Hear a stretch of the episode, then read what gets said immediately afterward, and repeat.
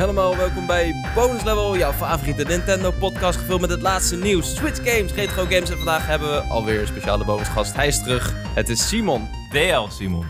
Deel Deo Simon, what's up? Goeiedag iedereen. Hoi. Goeiedag, hallo. Goeiedag. Ehm, heb je een bonusdier Simon? Daar hebben we eigenlijk niet over nagedacht. Ik heb een hond tegenwoordig. Je hebt Eh, een nieuwe ja? hond? Ja, dat zag ik op Twitter. Ja, Een nieuwe hond, oh oké. een nieuwe hond. Ja, hij is Wat nu... is zijn naam? eh, Wat is zijn ras? Wat doet hij wel eens? Zijn ras is half Labrador, half Fries is daarbij. Whatever the fuck dat ook mag zijn. Ja, Eh, wat doet hij wel eens? Eh, bijten. Hij is heel slim. Hij is slimmer dan eh, iedereen in dit huis eigenlijk. En hoezo hij- is slim? Wat Hij is- doet hij? Oh, ik kan wel uitleggen. Stel je voor, je gaat dus naar puppycursus. Ja, En dan zeggen ze, oké, je, je hebt hier een stoeltje, een tafeltje of zo. Dan moet hij zeg maar, met de voorpoten moet je hond daarop gaan staan. En dan krijgt hij een snoepje, dan zeg je op, gaat hij erop staan. En als hij dat gedaan heeft en hij gaat er weer af, dan zeg je dus af, dan geef je hem ook een snoepje. ja. Dus nou prima, dat doen ze dan 10 minuten lang of zo. Het probleem is, ik zet dat dingetje neer, ik zeg tegen die hond op en hij gaat erop staan en hij krijgt een snoepje. Hij denkt, oh wacht eens even. Daarna zeg ik af, dan gaat hij eraf, krijgt hij weer een snoepje. En dan denkt hij weer, wacht eens even. Wacht En eens even. terwijl al die honden vijf minuten bezig zijn met überhaupt een keer op dat ding, gaat hij gewoon continu erop, eraf, erop, eraf, erop, eraf. Gewoon nog voordat ik iets zeg, zo van, ja, maar dan krijg ik snoep. Het is, het is echt alsof je een soort van Einstein meeneemt naar groep drie. En hem de tafel van één laat doen. Dat is, Dat is wel echt typisch top. Friese labai natuurlijk. Ik bedoel, Fries is daarbij. Fries, ja, Fries, Friese erbij. is daarbij. Ja. X Labrador. Weet je, het Maar is, hij ik heet... vind- hem- oh, ja, wat is het? Ja, die hondentraining dingen, hè, ik heb daar wel een mening over. Ik vind, mijn schoonfamilie doet het ook altijd met die hond. Ik vind dat op zich wel leuk. Ik vind alleen de mensen die zich daar... Ik vind de mensen zo verschrikkelijk bij van die hondentraincursus. Oh, Hoezo? Mensen in het algemeen. mensen in het algemeen sowieso, maar hondentraincursus, mensen die leven echt voor die fucking hond. Alles wat er gebeurt, als je waarschijnlijk hun Instagram profiel opent, is alleen maar hond. Ik snap precies wat je bedoelt. En Maar, ik weet eh, niet wie er dat- meeluistert, dus ik zeg er niet te veel over. Misschien luistert jij niet wel gewoon naar deze podcast. Van de hondentraincursus, ja dat Ja. zou zomaar kunnen. Jannie van de hondentraincursus. Dat is dan weer toevallig zo iemand waarvan ik denk van, hé, jij doet het leuk. Ja, ja nee, zeker. Ja, precies. Dat heb je goed gehoord. Nee, eh, eh, het is ook meer... ehm, kijk, ik heb natuurlijk eh, eh, tien jaar lang een hond gehad. Maar mijn zoontje was toen nog heel jong. Mijn vriendin heeft nooit een hond gehad. Dus het is ook voor hun... Hij moet even ook een keertje mee. En eh, voor mijn vriendin ook. Dan kan ze ook, zeg maar, even doorhebben van... Hey, hoe leer je zo'n hond dingen aan? En dan is hij ook eventjes onder de andere hondjes. Maar ja, ik moet zeggen, voor mij is het ook geen, eh, geen must. Maar eh, eh, hij heet trouwens Luffy. Hoi, Luffy. Monkey D. Monkey D. Luffy, zeker. Wij hebben ook boven zijn bench hangt een grote wanted poster van Monkey D. Luffy van One Piece. Eh, Raf mocht kiezen hoe die ging heten. En die zat net helemaal into de Netflix One Piece. En No way dat hij zelf hem Luffy heeft genoemd. 100% wel. Echt? Heb ik het een beetje gestuurd? Mayhaps. Ja, Mayhaps. dat vermoed Maar- ik al. Het, was, eh, het werd geen Zorro, het werd geen Nami, het werd geen Usopp. Het werd geen eh, Buggy. Het werd eh Gomu Gomu Gomu. Monkey D. Luffy. Ja, lijp. Ja, maar ik bedoel, Ja. kom aan. Als je ooit zeg maar, een hond wil hebben waarvan je het idee hebt van... oké, hij moet goed op zijn pootjes terechtkomen. Hij moet gewoon een goede hond worden. Dan noem je hem Luffy en dan is het gefixt. Klaar. Ja, het is eh, gefixt. Alleen we hebben... we hebben dus een buurman die rondlopen. Sorry, ik ben lekker aan het hoesten. Knip hem maar uit, eh, Jacob. Nee, godverdomme. Doe Ja, maar. nee, ik ben al een hele week aan het hoesten. we hebben dus een buurman die rondlopen, die heeft een Labrador. En je denkt, oké, deze Labrador is 300 jaar. Dat is echt de meest gigantische hond die je ooit hebt gezien. Maar die blijkt dus echt zeven maanden of zo maar te zijn. Oh, Een hele lieve hond. Dus gewoon een puppy van 8 kilometer hoog. En die man die loopt dus altijd mee met hem over straat. En een hele aardige man ook. Maar die heeft dus al eh, 18 keer tegen mijn vriendin gezegd... hoe heet hij nou? En mijn vriendin zegt dus steeds Luffy. En dan zegt die man dus meteen... Hi Loekie, Loekie, hey Loekie, Nee, Loekie. on. Dan ga je van Luffy dus- naar.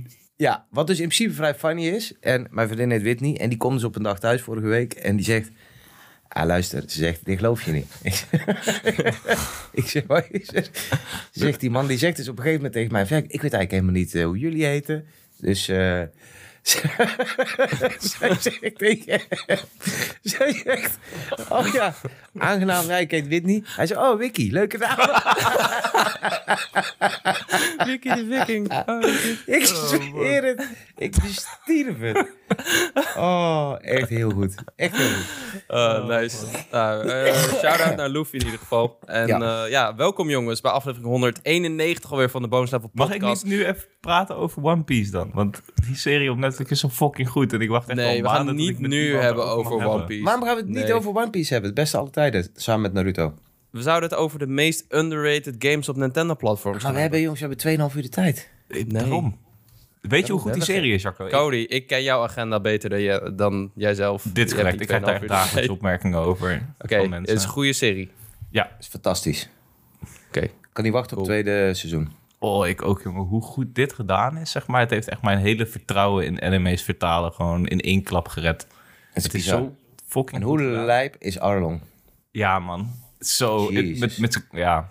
Ik zal je eerlijk zeggen, ik heb die hele serie zitten kijken in mijn eentje. En ik ben echt, ik kijk al One Piece sinds mijn achttiende. Daar ben ik ook letterlijk mee begonnen. Het in Japan op het vliegveld naar Rita Airport met een noedeltje erbij. Ik weet nog precies. Sick. Sindsdien kijk ik dus altijd die serie. En eh, voor mij dus, dus echt op- aan alle fronten sentiment. En toen had ik hem uitgekeken, toen was ik op het einde... en dan komt in één keer voor het eerst die tune erin, zeg maar. Echt in de laatste scène. Was ik mildly ontroerd. Maar ik ging hem ook even checken zo van... Hm, vindt Raf dit iets? Dus toen heeft Raf hem dus helemaal doorgekeken. Heb ik hem gewoon meteen daarna nog een keer met hem alles zitten kijken. En ik moet zeggen, als je dan met z'n tweeën op die bank zit... en je komt dan bij het einde... en je hebt dan voor het eerst die tune die erin klapt van, eh, van One Piece zelf... die teamsong van de, van de eerste, eerste serie, zeg maar. En je zit daar met z'n tweeën. Ik heb eventueel een traantje gelaten. Ik snap het, man. Ik, ik, Echt ik heb dus nooit de anime gekeken. Ik begon echt bij die Netflix-serie. Ik dacht echt, waarom kijk ik dit in godsnaam? Maar bij aflevering 3 dacht ik, wow, hoe ziekelijk is dit? En toen ben ik dus de anime gaan kijken. Heb ik de Great Blue Saga gekeken, de eerste. Welke aflevering Oh, zit je? man. Eh, nee, ik ben nu pas bij de, De tweede 30 saga of zo. Dus ik ben nog helemaal niet zo heel ver. Die eerste saga is volgens mij 68 afleveringen of zo. Oh, jeez. Oh, dat is wel een eindje. Het is best zeker op 1% van de hele serie. Ja, precies. En nu ben ik dus waar Netflix is. En nu heb ik zoiets van, ja, aan de ene kant wil ik de anime doorkijken, want die is Nee, fucking nee, nee, je moet doorkijken. Je moet doorkijken, man. Ik Je zit vind het zo- sowieso... Annie's Lobby kom je daar tegen. En de, die anime doet wel dingen die, die ze in, met Netflix nooit kunnen doen. Sowieso, Ja. je moet... Ja, nee, je moet gewoon verder kijken. Ik ga er van alles over zeggen. Je moet, kijken. het, is, het is echt... Het is, het, Naruto en One Piece zijn voor mij echt, echt all-time highs. Ja, kijk, ik ben echt zo'n Dragon Ball man. En dan niet Dragon Ball Z. Dragon Ball vind ik echt grandioos. Heb ik echt wel tien keer gekeken of zo. En ik vind dus dat in ieder geval de eerste saga van One Piece heeft datzelfde gevoel dat elke, zeg maar, een, een filler aflevering is eigenlijk de goede aflevering. Er zit zoveel charme, zoveel emotie in die, in die interactie tussen die personages. I fucking love it. En die unbreakable character dat Monkey D. Luffy heeft. Ik ken er één die het net zo goed kan en dat is Ang van Avatar. Verder is er echt niemand die zo unbreakable is. Zelfs Goku kan daar niet aan tippen. Ja, niet geloven dat ik dit zeg, maar... We zitten nu bij het laatste seizoen van eh, Korra trouwens. Ko- Korra is, is, is een goede serie, toch? Korra is, is extreem goed. Alleen, Ja. eh daar moet je heel even achter komen. Ik moet zeggen, die, met die Avatar, ik weet dat jullie echt twee lijpe fans zijn. Klopt, Eh, ja. eh, en eh, alleen dat, dat eerste boek is, is echt heel slecht. Klopt, het eerste boek van Ang is heel kinderlijk. En het tweede boek kinderlijk. is zo van, ah oké, dit gaat de goede kant op. En dan vanaf drie gaat het echt, wordt het lijp, zeg maar. Ja. En dan heb je Korra, maar het einde van Korra 1, ik, ik vind het echt waanzinnig. Het, ik vind die eh, serie wel eens onderschat. Over Dat is hij ook. dingen gesproken. Zeker, ja. We hebben Ang het is er heel vaak ja. over. Ang is Seizoen een 10 en drie Korra is een 9,9. Maar wat je merkt bij, bij Ang is, daar moest, zeg maar, ze kregen van Nickelodeon de kans om die serie te maken. Dus ze moesten nog heel erg schrijven conform Nickelodeon approval. Ja. Seizoen 3 hadden ze daar wat meer scheid aan, want ja, ze hadden zeg maar, was de beste serie op Nickelodeon, zwaar bekeken. Bij. Korra hadden ze dat al bemachtigd. En toen na seizoen 1, want het is best wel heftig seizoen 1, wat daar allemaal Dat gebeurt. einde met die dudes in het bootje, dat vond ik echt dat ik dacht, yo. Toen heeft Nickelodeon gezegd van, oké, hey, we cannot do this. Het is klaar. En toen zijn ze dus even van Nickelodeon afgehaald, omdat het eh, best wel Ze zijn naar... Ja, volgens mij was het halverwege seizoen 2 zijn ze naar web gegaan toen. toen Ja. Alleen eh, op web. En toen heeft iedereen zo hard geroepen dat ze weer terugkwamen. En ja, ik vind seizoen 3 met eh Drie is het beste. Hier. Ja. 3 is het beste. En eh eh Cora die dan... eh, hè? Drie is de laatste, toch? Nee, vier is de laatste. Vier Oh, dan is de Vier, laatste. vier is met, ja, Wij zitten moet nu je in zelf vier, maar zeg maar. Nee, wij, wij, dan zitten wij nu in vier. Drie is met die White Lotus, toch? Of die Red Lotus. ja, de Red Lotus. En dan vier Klopt, is met, ja. eh, met Kuvera. Wat- 4 doet ze echt nog een half seizoen erover om te revalideren. En dat was Ja, op dat moment, jongen. Oh shit. Oh ja, ik hou er wel van. Ik voel nu al die Super Saiyan shit aankomen als Goku uitgetraind is en terugkomt. oh, man. Ja, fucking vet. Mega lijp. Eh, Ik jongens, ik trouwens- wil- hey, wa- hey, hey, was jij niet op Twitter gewoon eh, die eh, live-action trailer aan Basje? Ja, Ik? wij allebei. Oh, ja. ja. Ja, man. Ja, maar weet je wat het is, Simon? Kijk, het nee. is zo makkelijk. Ik kijk die trailer, ik krijg kippenvel. Ja, maar hoe, ma- hoe makkelijk is dat als je de, de, de soundtrack erin gooit... en bijvoorbeeld Omar Shu of Basing C volledig gerenderd in hoogbudget CG zit? Tuurlijk krijg je dan kippenvel. Maar Wat was, het probleem dan? Ja, Wij hebben hier zitten kijken, gewoon letterlijk joelen gewoon. nee, was ik een weet niet. Hey, hey, hey, hey, Als je die hey. Kai ziet, dan ben ik toch weer bang dat het zo'n musical gaat worden. Nee, joh, hou op. Nadat je de One Piece hebt gezien, ga je nu ineens toch weer twijfelen. Ja, maar kijk, bij One Piece is die schrijver bij elke stap betrokken geweest. Die heeft alles beoordeeld, elke scène. Ja, ja, ja, en de twee makers hiervan zijn er twee afleveringen uit deze serie gestopt. Gestapt, omdat er creative differences waren. Ja, oké. Ja, ik weet het niet. Maar eh, ik vond het beter eruit zien dan ik had verwacht. Maar het blijft nog steeds wel een Netflix-serie. En ehm, ja, het is, ik vraag me af of ze meer gaan bieden dan wat, eh, wat het origineel kan. Misschien is het wel heel goed voor de Avatar-IP, zeg maar. Dat, dat er weer een nieuwe generatie mensen komt. Want je zag Ja. ook toen het op Netflix kwam... dat het echt trending was op nummer 1 voor weken. Eh, en dat heeft ook heel veel gedaan met, met, de, met de populariteit. Er zijn podcasts gestart, er zijn eh, eh, allerlei nieuwe eh, boeken in gang gezet. Dus het doet er wel iets mee. Dus in die zin hoop ik dat het goed wordt en dat, dat nog meer mensen in aanraking komen met Avatar. Maar ja, goed, het, het bronmateriaal is zo goed en het is heel lastig om daar aan te tippen. Ja, Videospelletjes. het is. Videospelletjes, ja. We gaan- We gaan niet over Blue Eye Samurai hebben. Laten we het over games hebben. Eh, nou, sinds de vorige aflevering zijn de nominaties van de Game Awards bekendgemaakt. En ik wil het heel even erover hebben, jongens. Want ehm, Game of the Year heb ik hier staan. Alan Wake 2, Baldur's Gate 3, Spider-Man 2, Resident Evil 4 en Mario Bros. Wonder en Zelda. Eh, denken jullie dat Nintendo een Game of the Year award gaat pakken? Nee. Met een van deze twee games. Baldur's Gate all the fucking way. Ja? Ja, ik denk het, ik, ik, ik denk het al heel lang. En ik, ik moet zeggen, toen Zelda uitkwam, dacht ik bij mezelf... niemand gaat hier aan tippen. Dus het is nu al zo van, oké, we zijn er. En toen kwam Baldur's Gate uit. zo, dat is vervelend dat ik zo een beetje half ziek aan het worden ben eh, tijdens een podcast. Maar eh, toen kwam Baldur's Gate uit, toen dacht ik... als, als ehm, eh, Tears of the Kingdom, zeg maar, de, niet Breath of the Wild voor zich had gehad... ben ik ervan overtuigd dat hij naar Zelda was gegaan. Maar Ja. in dit geval is het net eh, de edge die Baldur's Gate nodig heeft om te winnen. Eh, en ik vind, zo, ik vind best wel een mooie lijst. Ik had persoonlijk eh, zeker geen fan van Resident Evil 4 erin, want dat voelt voor mij te veel remakey aan. Of voelt voor mij te veel remastery aan, zeg maar. Ja. En ehm Spider-Man 2 snap ik ook niet dat die erin staat. In, in een jaar als dit, dat ik, ik bedoel, Spider-Man is een waanzinnige game. Eh, Begrijp me niet verkeerd, staat hoog in mijn persoonlijke top 10. Ja. Maar in, in, in één keer in zo'n Game of the Year lijst droppen, terwijl je ook een Lies of P bijvoorbeeld hebt, om maar even iets te noemen.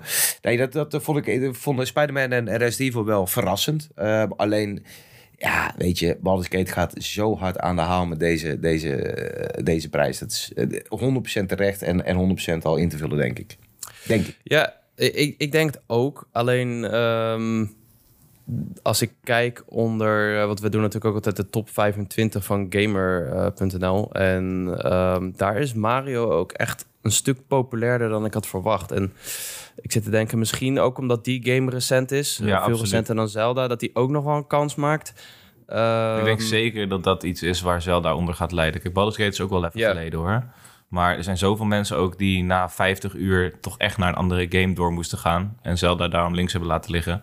Eh. Daar gaat het onder lijden. Het gaat eronder lijden dat... Ik denk ook dat Mario Wonder een beetje cannibaliseert. Want de Nintendo boys bij redacties, dus bij de critics... die moeten ineens een keuze maken. En ik denk dat Jacco en ik Ja, het was ook met Zelda en, en eh, of met, met Breath of the Wild en Odyssey natuurlijk. Odyssey, ja. Klopt. Alleen, ja, nee, daar heb je wel gelijk in. Misschien. eh Odyssey kwam wel wat eerder in het jaar, denk ik. Maar, nee, later. Nee, later. Later in het jaar? Oktober. Oktober. Zou een van jullie twee Mario Wonder boven Zelda kiezen? In een Nee. Game of the Year verkiezing? Nee, toch? Ik heb tijdens het schrijven van de Mario Wonder review dat gedacht. En aan het einde van het schrijven wist ik dat het niet zo was. Dus nee. Ja. Hebben jullie Baldur's maar- Gate gespeeld? Eh, ja, maar een uur of twaalf. Ik Oh, niet. het is gewoon de Ik heb wel toevallig vannacht gedroomd Ja. dat het in pixel art was. En toen werd ik wakker en toen dacht ik echt, wat ben ik voor idioot dat ik dit niet speel. Ja, dan Toen ging gameplay kijken, toen dacht ik, ah shit, het is inderdaad geen pixel art. Dat was just a Nee, dream. ik, ik moet even verder gaan op mijn PlayStation. Ik was begonnen op PC, op Steam Deck, maar dat, ik weet niet, dat werkt voor mij toch niet. Mhm. Ik, ik wil hem graag op PlayStation spelen. Ik vind het fucking goed. En ik denk dat als ik er meer tijd in had gestoken, dat ik hem eh, nog veel meer kon waarderen. Maar ja, Het is insane. voelt voor mij niet eh, eh, reëel om te zeggen Baldur's Gate is Game of the Year, want ik heb hem niet genoeg gespeeld. Ja, Nee. Net als ik heb Wonder bijvoorbeeld niet gespeeld. Ik heb Alan Wake. En Alan Wake ga ik ook niet spelen tot die fysiek uitkomt. Ondanks Zonde, dat het- man.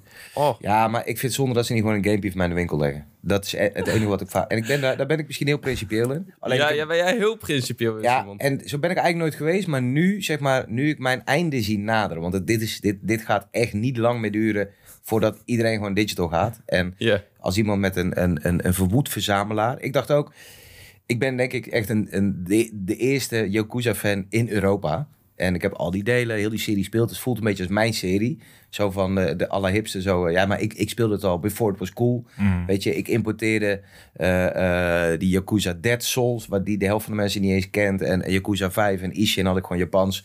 Zo, ik snapte geen reet van, maar ik wil hem hebben. En eh, The Man Who Erased His Name is natuurlijk uitgekomen deze maand. Ja. En toen dacht ik ook van, ah ja, die, die moet ik dan ook overstaan met hoeveel pijn het ook doet. En toen stuurde iemand op Twitter zo van, oh ja, maar hier, hier kun je hem gewoon importeren. Ik zei, bam, meteen kopen.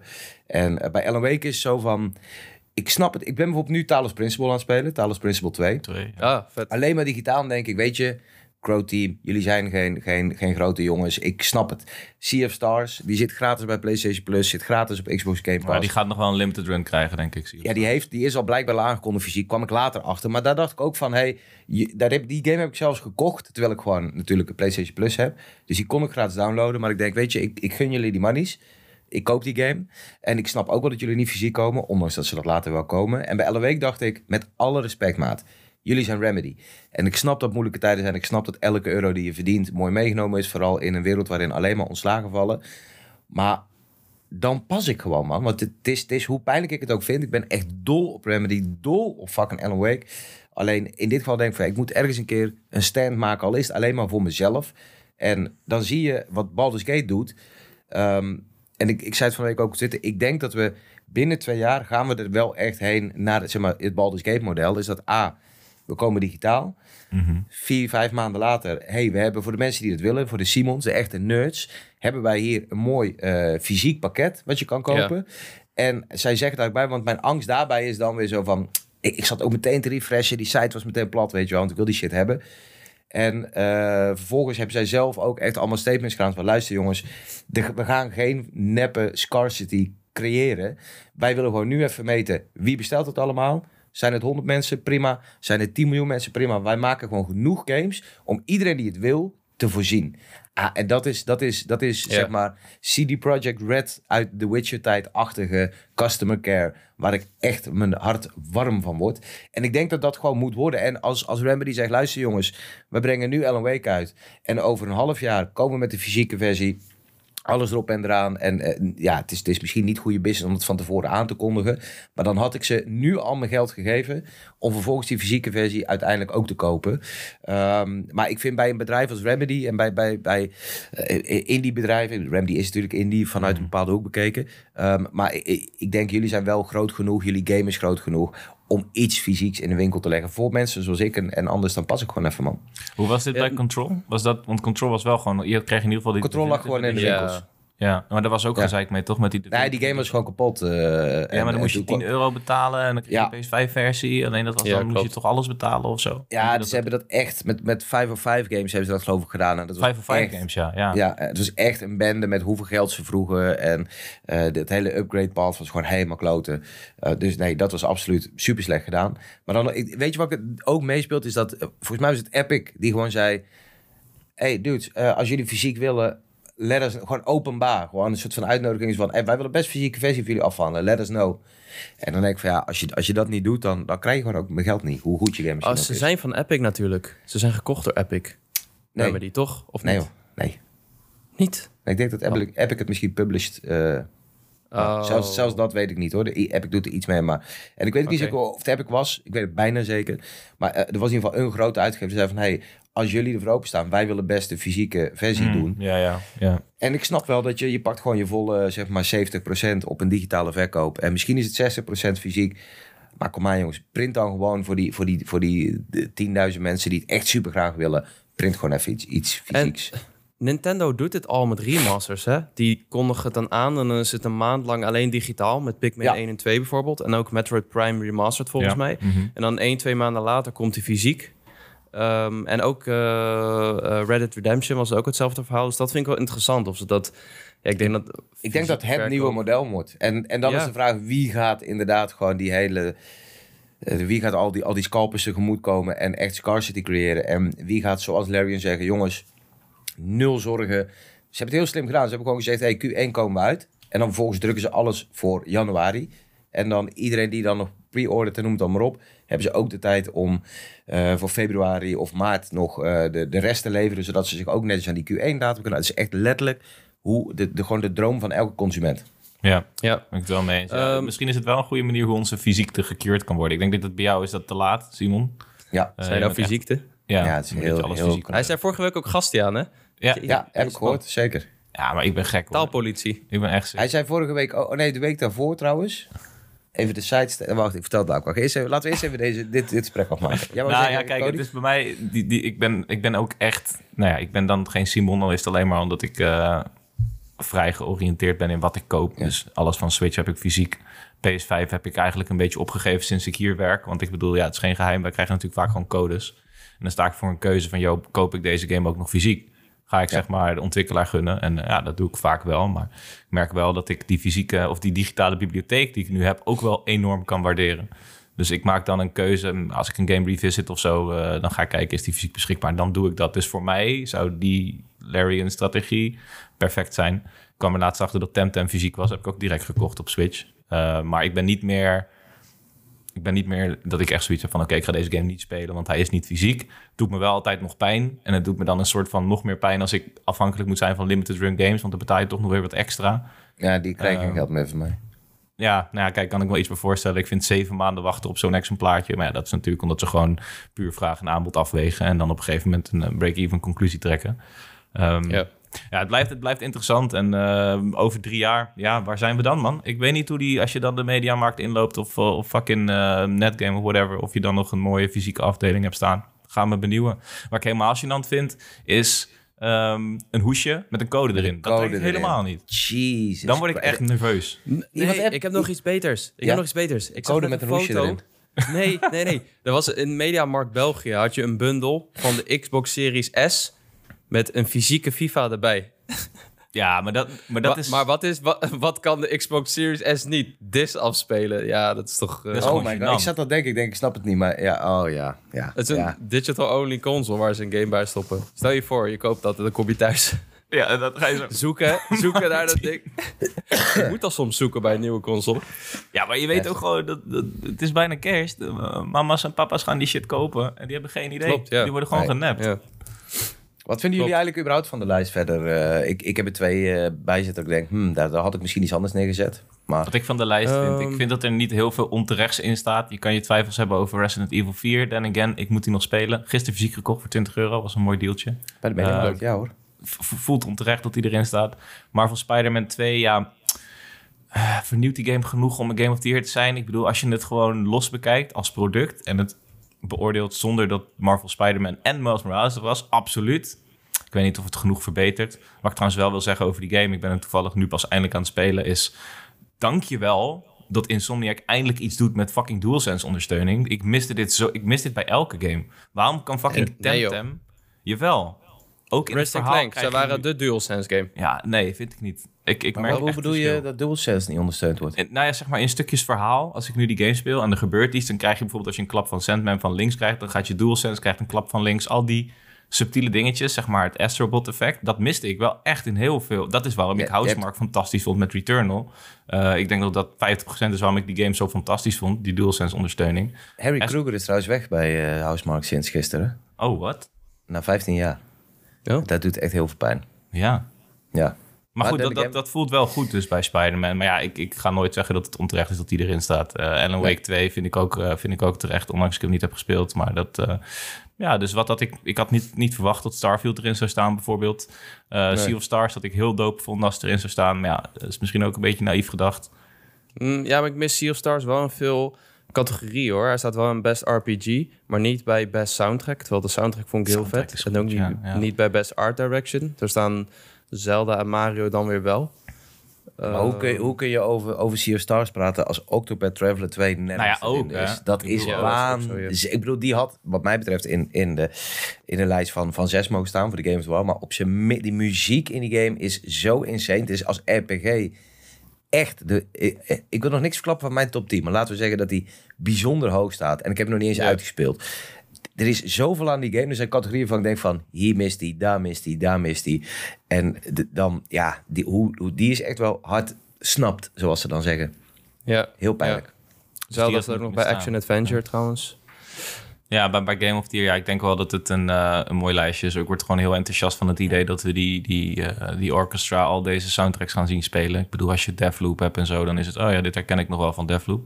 Maar je krijgt vak- gewoon, straks gewoon fucking een Mario soundtrack, afgewisseld met Spider-Man, afgewisseld met Tears of the Kingdom. Weet je, Baldur's Gate. Maar ja, ik kijk daar zo erg naar, beste- onredelijk veel naar De uit. beste OST van het jaar is ook wel hands down Final Fantasy 16. Ja, ook. Ja, maar ook. Ja, Met die Ja, onbegrijpelijke redenen trouwens in de categorie RPG staat. Want het is echt in niks. En het is een actiegame. Puur zang. Ja, wij, ja, wij hebben dus natuurlijk ook... We zaten natuurlijk in de jury van de Game Awards. En ik Ja. heb hem bij RPG en Action Adventure Game gezet. Ik dacht van ja, fuck, hij ja, Het- weet niet zo goed wat ik moet doen met Het deze. is gewoon een actiegame. Ik bedoel, toevallig, Ja. die hele serie bestaat uit RPG's. En is het misschien wel de grondlegger van de JRPG in, in, in globaal gezien. Ja, Maar Final Fantasy 16 is in letterlijk niks in RPG. nee, klopt. Nee, nee. Nee. misschien niet inderdaad. Maar ja, En, die, die had, eh, had die erin moeten staan? Ja, die had er wel in moeten staan, denk ik. Fantasy had erin moeten staan. 16. Octopath. had- Ja. Of jij bedoelt in de Game of the Year? In de eh, Game of the Year, daar had, eh, daar had Final Fantasy Kan. niet meer Ja, staan. ik vind, dat vind ik lastig inschat. Ik ben zo biased daarin. Maar eh Ja. Octopath had sowieso hoger moeten. En als je er toch een remake doet, Dead Space is beter dan Resident Evil 4. I said it, maar oké. Hm, ja, en Lies of P had ook nog wel in de categorie ehm, Actie. muziek Ik, ik heb staan. die dus fucking liggen. Oh. Ik heb hem al een keer opgestart. Ik heb hem nog niet doorgepakt. Ik ben echt Oh my god. gigantische Souls, man. Ik heb alles gespeeld en toch heb ik nog niet gedaan. En dan nu ineens loopt iedereen met die games weg. Denk ik, joh, Oh my kom god. nou even Hij twee is- maanden eerder. Dan had ik nog tijd. Ik moet nu nog heel fucking dit jaar nog uitspelen, jongens. Ik kan toch niet Lies of P er nog tussen gaan fietsen? Weet je wat ik heb gedaan? Ik heb hem dus uitgespeeld. En toen kwam ik erachter voor de Platinum heb je in principe twee playthroughs nodig. Ja, Maar dat is wel als je in de eerste playthrough al weet wat je moet doen om de Platinum te halen. Dus ik had natuurlijk niet alles perfect gedaan zoals het moest. Dus ik dacht, ah, dan zit ik nog tegen drie, eh, of tegen twee extra playthroughs aan te kijken. Ga ik niet doen. Ik heb Talos Principle liggen, Sea of Stars. Ik ga lekker, eh, ik verwijder hem van PlayStation. Letterlijk diezelfde avond dacht ik, ik wil gewoon niks anders spelen dan Lies of P. heb ik gewoon in drie dagen tijd nog twee keer die game uitgespeeld, die Platinum gescoord. En het is... Holy shit. Het is buiten het feit dat het echt, echt een goede game is. Maar echt, echt. eh, er zit shit in wat ik niet ga vertellen. Wat echt, de, dit, zou, dit is de beste spoilercast die je kan opnemen dit jaar. Dat kan ik jullie wel zeggen. Eh, maar er zit dus shit in. Er wordt naar dingen gehint. Er zit een, een, een hele kleine kruimeltjes liggen er door de game heen. Die uiteindelijk op het einde sens maken. En dat stukje heeft deze game voor mij echt verheft van... Oh, dit is echt een hele goede game naar... Holy fuck, dit is een gruwelijke game. En de start van iets gruwelijks. Maar goed, ik wil even zeggen, je hebt, in, die, game heb je eh, records die je kunt verzamelen, vinylplaten. Die zijn allemaal ingezongen door, door Koreanen. Nieuw, nieuwe Koreaans studio dit. Die zijn echt stuk voor stuk gruwelijke muziek. En heb je ook nog in het allerlaatste chapter... Dan, dan staat de spanning op het verhaal staat er echt goed op. Het is echt een epische conclusie. En dan beklim je een soort van een toren. En de soundtrack die daarbij zit... Oh my god, het is echt... ehm, Niks is beter dan Final Fantasy 16 qua muziek of, of. Maar hij, hij had het wel verdiend om erbij te staan, vind ik. Oké, vet. Eh, Game Awards, 7 december. We gaan eh, natuurlijk ernaar kijken. We gaan jullie op de hoogte houden van ook eventuele aankondigingen die we zien. En eh, of Nintendo een van de, wat is het, 12 nominaties gaat verzilveren. Dan een onderwerp, jongens. De meest ondergewaardeerde Nintendo games. Volgens mij was dit jouw idee, Simon. Nee, Cody, die, eh, ehm, Cody kwam ermee. Cody die kwam nee. eigenlijk in de eerste instantie... Nee, die kwam aan met... eh, ik moet trouwens wel zeggen, ik heb getwijfeld of ik hier wilde zitten. Omdat een van jullie twee letterlijk... Wij, wij luisteren nu... Ik, ik moet heel eerlijk bekennen, normaal gesproken heb ik gewoon met twee podcastseries Amerikaans die ik luister. En dat was het. Maar Ja. sinds dus de Zelda spoilercast... Die ik samen met mijn zoontje heb geluisterd, is het elke keer als we naar school rijden of in de auto zitten. Papa, bonus level, bonus. Hey. nu luister ik dus naar al jullie podcasts. En dan zodra het deuntje klinkt, dan hoor ik achter in de auto. Hey, hey, hey, hey. En ik weet dat wij nu ook... Waarschijnlijk zitten wij nu, terwijl we dit luisteren... eh, zitten we in de auto. We gaan lekker naar Disneyland. Dus het is niet, we, rijden, we rijden ongeveer de grens over nu eh, van eh, België. Hoi Raf. Hij denkt, hè, zegt papa dat nou? Of is dit naar de radio? Ik snap er niks van. Raf, eh, heb je. Ga eens recht zitten. Eh, maar ehm, toen, ik moest ook heel hard lachen toen Jacco zei over Prince of Persia... in een van jullie andere afleveringen dus van... Ja, Prince of Persia, Time. Ja, ja, ik denk dat iedereen die wel gespeeld heeft... en ik hoor aan de achteruit de auto... Nou, nee, ik niet hoor. Oh nee, ja, je zei iedereen die dit luistert heeft die game vast wel gespeeld of kent hem wel. En ik hoorde zo van achter de auto. Nee, ik, ik er niet hoor. maar je zei niks terug, Jacco, dus dat was heel gemeen. Ehm, maar ik hoorde Sorry. Cody letterlijk zeggen, wat jullie het hadden over eh, zeg maar eh, games gebaseerd op eh, IP's of zo, weet ik het wat. Mhm. En dat jij gewoon durfde Viva Piata in dat hokje te plaatsen. Gast, hoe fucking goed is Viva Piata? Kom alsjeblieft gewoon nu zeggen waarom dat Maar vriend. De game was eerst. Was, was, wacht, wat? Oh, serieus? En daarna de serie. Ik, Was maar dit was echt... Eerst? Dit was Dan- zo'n hele pijnlijke old man. Gewoon alsof iemand een cover van de muziek. De, de- zo van, oh ja, maar eh, ja, ik kan even geen goede-. Ik kan even geen goede covers bedenken. Maar eh, dat, dat iemand zegt dat eh, bijvoorbeeld eh, eh, Aerosmith Dream On gecoverd heeft van, op basis van Eminem zijn, eh, zijn nummer. Dat was echt een hele pijnlijke. Oh. Die serie is gebaseerd op de game. Nee, Oh, dat, die dat, verklaart wel idee, het zo'n goede game-adaptie is. Want dat is het dus helemaal niet. Ja, nee, precies. het was gewoon een hele goede game. Waar ze later een serie... Alla, alla Angry Birds, zeg maar. Ja, en Pokémon. Oké. Nee, Wat is Maar- je vergeven? Ja. dankjewel. Underrated games op Nintendo-platformen. Ik heb een lijstje. Oh ja, Cody, Cody wilde. JRPG's. Toen zei ik, ja, maar als je het over Nintendo hebt, dan zijn we heel snel uitgepraat. Ik heb ook een lijstje. Ja. Oké, nou ja, misschien moeten we gewoon om de beurt een game gaan doen. Hebben jullie En- een volgorde? Of? Nee, heb niet per echt. se een Oké. Ik heb gewoon nee. random dingen opgeschreven. Ik weet ook niet of mijn games echt underrated zijn, maar daar komen we zo op. Maar staat er in ieder geval één in jouw lijstje Ik heb mijn best gedaan. absoluut underrated is. Nou, Jacco, mag jij beginnen? Die. Ah, oké. nou, dan begin ik met die. Ja, Eh, bij de launch van de Nintendo Switch eh kwam natuurlijk eh, ja, kwam, kwam Zelda uit. en Een aantal andere games, Fast RMX. Maar er was één game waar ik me echt kapot mee heb gelachen. En die game heet Snipper Clips. Ken jij die, Simon? Oh, wat was het ook weer? Was het niet dat hij met een schaar speelde of zo? Ja, nee, je speelt dus als twee Joy-Cons. En die Joy-Cons die kunnen elkaar overlappen. Ja. En als je dan op A drukt, dan maak je een knip en dan maak je een vormpje. Dus wat je moet doen, is je moet het vormpje maken wat je op de achtergrond ziet. En dan moet je dan met z'n twee, moet je eigenlijk zo gaan staan en dan een knip maken. En dan eh, nog een knip maken. Je moet elkaar eigenlijk een beetje bijknippen. En dan moet je juist zo gaan staan totdat de game zegt... oké, dit is goed genoeg, dit is het vormpje. En ja, het is echt hilarisch. Want je kan natuurlijk helemaal... eh, weet je, als het misgaat, dan gaat het mis. Dan kan je resetten. Of je kan elkaar ook gewoon helemaal opknippen... ja zodat precies. je Ja. doodgaat. Eh, het heeft diezelfde onhandigheid als bijvoorbeeld een overcooked heeft of zo. Dat je gewoon... ja, ja, het is echt in de categorie overcooked en eh, human fall flat en dat soort dingen. Het is echt lekker chaotisch. Ehm, maar dan geen tijdsdruk of zo. Je, je kan gewoon rustig, weet je, je kan heel precies zo sta- staat. Nee, nog een klein stapje naar rechts. Nee. En dan kun je ook bukken, maar je, je moet dan wel zeg maar de stick echt halverwege houden soms. Of nog een klein beetje extra. Dan moet je zo gaan staan. Dan doe je knip. En dan, en dan ga je soms staan met z'n tweeën. En denk je, nee, fuck. We hebben het precies verkeerd omgedaan. En dan moet je het weer doen. Ehm, ja, Ja, ik, heb vind die echt absoluut underrated. Het is, ja, Ja, het is gewoon echt ja. een goede... Het was sowieso een hele goede launch. Ik kan me ineens meer echt iets van herinneren. Dat zegt wel dat hij underrated is inderdaad. Ja, als mensen niet eens meer zo van een soort van callback hebben. Zo van, oh ja, die game was leuk. Ja, Ja, ik, ik, ja. kan, ik kan me hier nul meer voorstellen. Ik moet alleen aan Clippy denken, die paperclip. Maar het zou wel een vette Ja, game zo zien ze er ook een beetje uit. Ze hebben wel DLC. Snipper Clippy. Snipper Clippy is echt een supergoeie DLC. Even die licentie fixen bij Microsoft wel. Dat wordt misschien wel een ding, maar... Volgens mij is er zelfs DLC bijgekomen. Dat weet ik niet eens zeker. Ja, nou echt, als je nog een leuke partygame zoekt... Hij kost waarschijnlijk 5 euro of zo. Dus eh, voor deze feestdagen is hij echt ideaal. En voor de Switch.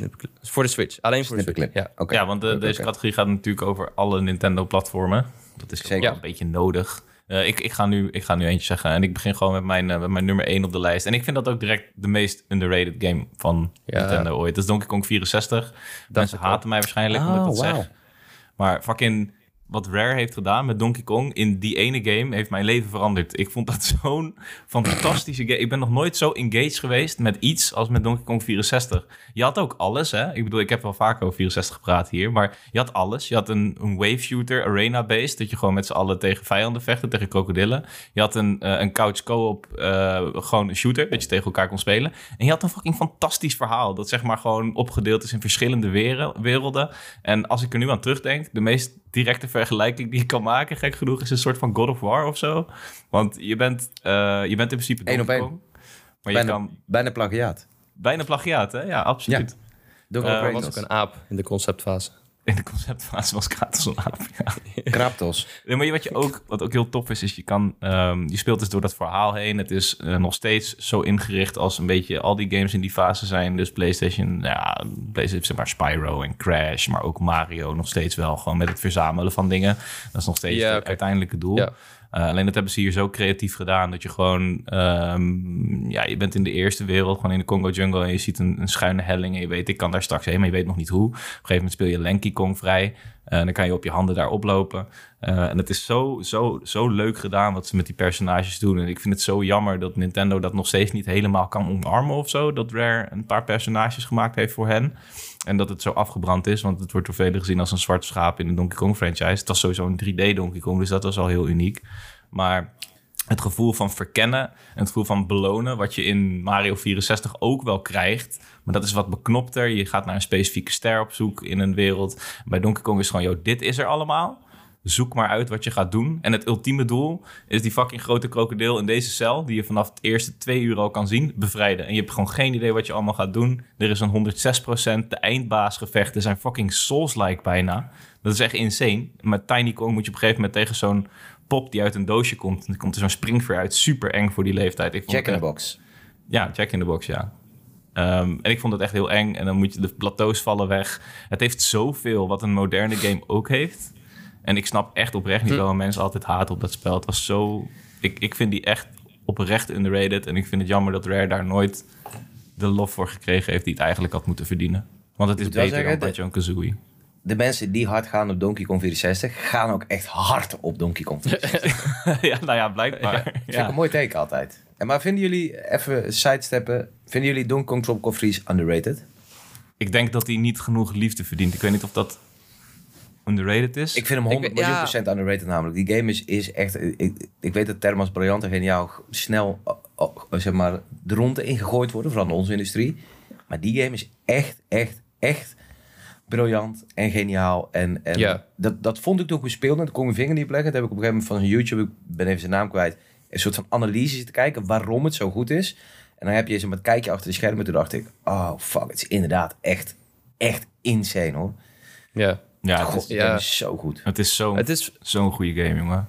vooral toen tijdens de Wii U-periode heb ik het gevoel dat hij echt underrated was. Hij is toen nog voor Switch uitgekomen. Toen heb ik het idee dat veel mensen hem wel hebben ontdekt. En toen werd hij ook heel goed ontvangen. Ja, Ehm, en dat was ook de eerste keer dat ik hem echt zelf uitspeelde. Op de Wii U lukt het me gewoon niet. Nee, maar dat is het ook. Hè. Eh, Het is een vrij lastige game. Eh, sowieso de basislevels al, maar de K- de K-levels, dus de bonuslevels zeg maar, in die, die dan per wereld vrij speelt, dat je ook soms in silhouetten gaat spelen en zo. Nou, dat weet je, weet je niet wat je meemaakt. ja. Het zijn oprecht een van de moeilijkste platformuitdagingen die, die je kent, zeg maar. Als je zegt dat Mario Wonder wat lastige levels heeft, wat nu natuurlijk een beetje actueel is, dan raad ik je aan om even die K-levels te gaan spelen. Zie je direct waar de inspiratie vandaan komt van die moeilijke De levels? K staat voor Kong trouwens, voor iedereen die luistert. De K staat Klopt. voor Kong. Ja. Kong levels, ja. Ja, dat, dat is zo fenomenaal. En wat ik het knapst vind aan Tropical Freeze... is dat ze eh, toch nog meerdere personages erin weten hebben te krijgen. Dus je hebt Cranky Kong, Tiny Kong... Of nee, ja, wel, is dit Tiny of is dit... Nee, dit is Dixie Kong. Dixie zit erin. eh, ja, Dixie zit erin, ja. Ja. En eh, wat super chill is voor ouders die met kinderen spelen... is dat die Funky. Funky Kong erin zit met zijn bord... en die kan over... En die kunnen allemaal iets anders. En je hebt ze ook allemaal Ja. nodig om 100% te halen. Ehm, maar toch ben je nog steeds aan het leunen op Donkey Kong... die eigenlijk gewoon best wel slecht is vergeleken met de rest. Want hij heeft niet echt iets extra's. Eh, dus je moet het halen met Donkey Kong... maar je hebt toch wel die hulp nodig van een, eh, een speler 2 bijvoorbeeld... die net, zichzelf net zo significant voelt als, als Donkey Kong... terwijl je eigenlijk een toch op een iets makkelijkere mode speelt dan Donkey Kong. Ik kan het niet heel goed uitleggen blijkbaar weer... maar dat is geniaal gedaan. Ik, ik snap, omdat ik hem speel, toen snap ik. Maar dit is, dit, is, dit is een easy 10 out of 10 game. En, en Denk dat ook wel eens ja. Overlooked, denk ik. Was dat jouw underrated game Of heb je nog een andere Simon? Eh, nee, dat was zeker niet mijn underrated game. Dat was Cody's underrated game. Ja, Tenminste, Kong 64. Twee keer Donkey Kong, Eh, ja. ja, ik heb natuurlijk wel even een lijstje samengesteld. Laten we even way back gaan. Zo ben ik er ook alweer. Kleine quiz. Het is een Shinji Mikami game. Uh-oh. Jacco, Dus mogen jij jullie bent... gaan gokken. Ja. Shinji Mikami ook wel de maker van eh, bijvoorbeeld eh, Persona. Evil Dead. Rest en, Evil. nee, niet Persona. Rest Evil. eh, Evil, Evil Within. Dat soort games. Ja, ja. met Tensei, Ja. dacht ik dat je bedoelde. Ik heb echt geen idee waar je het over hebt, Simon. Shinji Mikami Tensei. Nee, de, de maker van eh ook Devil May Cry. Resident Evil. Oh, Ja. Eh, maar ik heb geen idee wat hij daarvoor heeft gedaan. Evil Within dus- die heeft dus Goof Troop gemaakt. Goof Ja, Troop. Ik, ik gehoord. ken dit Op niet. de Super Nintendo. Mag ik je kent Goofy? Gewoon Goofy. Ja. Ja, oh. en zijn zoontje. Ja. En die eh, hadden een film vroeger. En die film die heette Goof Troop. En dat was echt toen ik jong was, voor die tijd. En daar kwam een Super Nintendo game van uit. Gemaakt dus door Shinji Mikami. Die was co-op. En ik zweer het je, in de tijd dat zeg maar DuckTales Reign Supreme toen de tijd, weet je wel. Sowieso de moon level van DuckTales, die Mhm. muziek. Nog steeds meeste zin hoort. Die, ja. Ja, precies. Oh man, ik krijg nu al kippenvel weer aan die muziek denk. Maar eh, eh, hij maakte dus Goof Troop. Daar kwam ik eigenlijk pas achter toen ik dit lijstje aan het, aan het eh, maken was. Want ik had Goof Troop erop staan. Toen dacht ik even inlezen. Toen zag ik Shinji Mikami. Een van mijn favoriete ontwikkelaars. En toen dacht ik, holy shit. Hij heeft gewoon die game voor Resident Evil nog even Goof Troop gemaakt. En het is zo'n... Weet je, we hadden, vroeger hadden we eh, bij de videotheek mensen huurden Gremlins, mensen huurden Rescue Rangers de, op de NES, die zeker niet ondergewaardeerd is, want iedereen weet dat is een classic natuurlijk, en DuckTales. Maar Goof Troop was echt, echt een gruwelijke, sikke co-op game op de Super Nintendo, waar je eigenlijk nooit bij iemand over hoort. En ehm, het was ook een beetje zo puzzelachtig, zo van je kwam in een screen, er waren vijanden, ik weet niet, we waren op een onbewoond eiland gestrand of zo. Wat niet is gewoon Zelda want er lijkt, waren toch? vijanden. Ja, maar het is, je, je, je schopt dus tegen blokjes aan. En als je de verkeerde kant op schopt, zit je zeg maar vast. Van, ah, dit is niet de oplossing. Je moest ook items in de omgeving gebruiken om die vijanden uit te schakelen. Maar eh, ik, wil, ik wilde toch even een shout-out doen naar, naar Goof Troop en naar eh, Shinji Mikami's eh, eerste grote succes. Het ziet er echt dope uit, man. Het is echt fantastisch. Maar wat is het co- co-op aspect? Want dit- in die playthrough die ik kijk, zie ik alleen Goofy gewoon. Ja, nou, ik, ik zat dus ook even opzoeken. En ik zie alleen maar eh, filmpjes met alleen Goofy. Maar je kon dus, eh, ja, of mijn herinneringen verraden me echt hard. Maar volgens de wiki staat er ook multiplayer bij. Maar je kon dus eh, met Goofy of zijn zoontje spelen. Ah. Max. Of Ja, vet man. Ik, kende deze Ja, Max, game helemaal niet. Het, is- het was heel lijp. En daarom wil ik even een shout-out doen. Dat, inderdaad, niemand hoor je denk ik ooit over Gooftroep. Oh ja, ik Eh, zie nu een multiplayer tien jaar niet meer eh, playthrough. Oh, en het is daadwerkelijk gewoon dat je samen in de schermpjes loopt. Dus het is volledig multiplayer. Ja, Ja, het is fantastisch. Echt fantastisch. Nice. goede tip. Ehm, ik denk dat mijn volgende...